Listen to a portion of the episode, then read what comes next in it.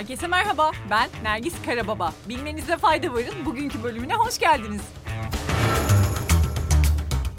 Avustralya, sığınmacıları takip etmek için Sri Lanka'ya 4200 GPS cihazı gönderdi. Avustralya, ülkeye kaçak yollardan girmeye çalışanların engellenebilmesi için Sri Lanka'daki balıkçı teknelerine takılması amacıyla 4200 GPS cihazı gönderdi. Avustralya İçişleri Bakanı Claire O'Neill, balıkçı tekneleri yalnızca balıkçılık amacıyla kullanılmalı. Avustralya ile Sri Lanka'nın yakın işbirliği bir bota binip Avustralya'ya girmeye çalışanların gümrük görevlilerince tespit edilip durdurulacağı anlamına geliyor dedi.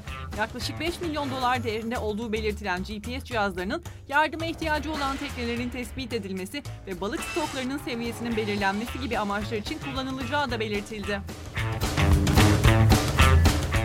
Twitter, Notes adı verilen yeni özelliğini test ediyor. Artık 2500 kelimelik metinler Twitter'da paylaşılabilecek.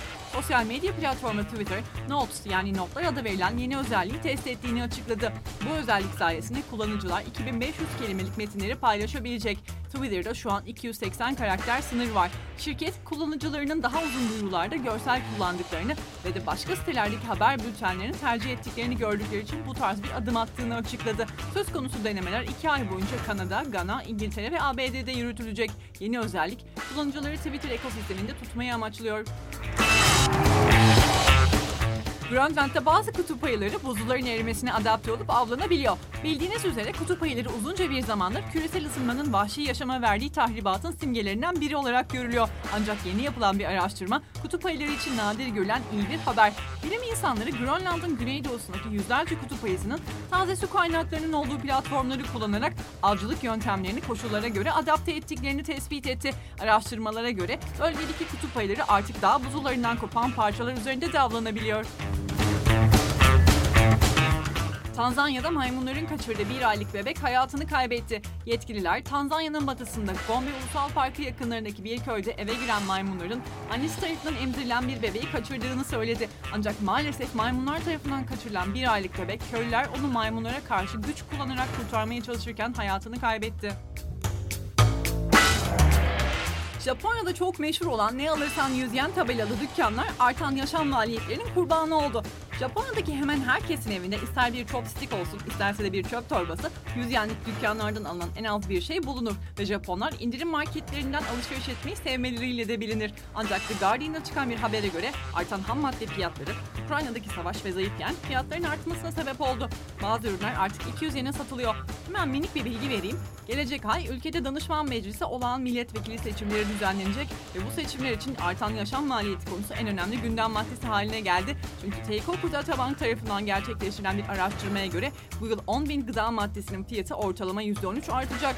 Japonya'nın en büyük sushi zinciri olan Sushiro'da 40 yıldır ilk kez 100 yenlik tabak servis etmeyi bırakacak. Ekim'den itibaren en uygun fiyatlı sushi 120 ile 150 yen arasında servis edilecek.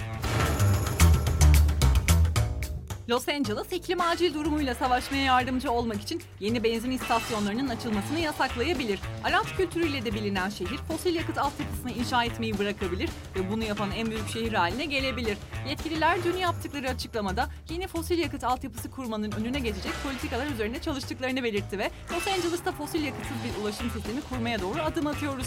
Günlük kötü alışkanlıklarımız var olmak için ihtiyaç duyduğumuz doğal sistemleri yok ediyor dedi. Akciğer kanseriyseniz sigara içmeyi bırakırsınız. Dünyanız alev almış yanıyorsa da üzerine benzin dökmezsiniz dediler. Binance'in kurucusu ve CEO'su CZ, The Guardian'a verdiği bir röportajda son piyasa hareketlerinin ardından önümüzdeki iki yıl boyunca Bitcoin'in tarihi rekor seviyesi olan 69 bin dolar seviyesinin altında kalabileceğini belirtti. Yaşanan düşüşü göz önüne aldığımızda yani Bitcoin fiyatının tüm zamanların en yüksek seviyesinden 20 bine gerilemesini düşündüğümüzde eski seviyelere geri gitmenin aylar hatta yıllar alabileceğini söyledi. Sözlerini ise şu şekilde devam etti. Kimse geleceği tahmin edemez. CZ ayrıca 4 yıl önce insanlara 2022'de Bitcoin'in 20 bin dolardan işlem göreceğini söyleseydiniz çok mutlu olurlardı dedi. Bugün 20 bin çok düşük görünüyor olabilir ama 2018-2019'da Bitcoin 3 ile 6 bin dolar arasındaydı dedi. Bugünlük bu kadar. Yarın görüşmek üzere. Hoşçakalın.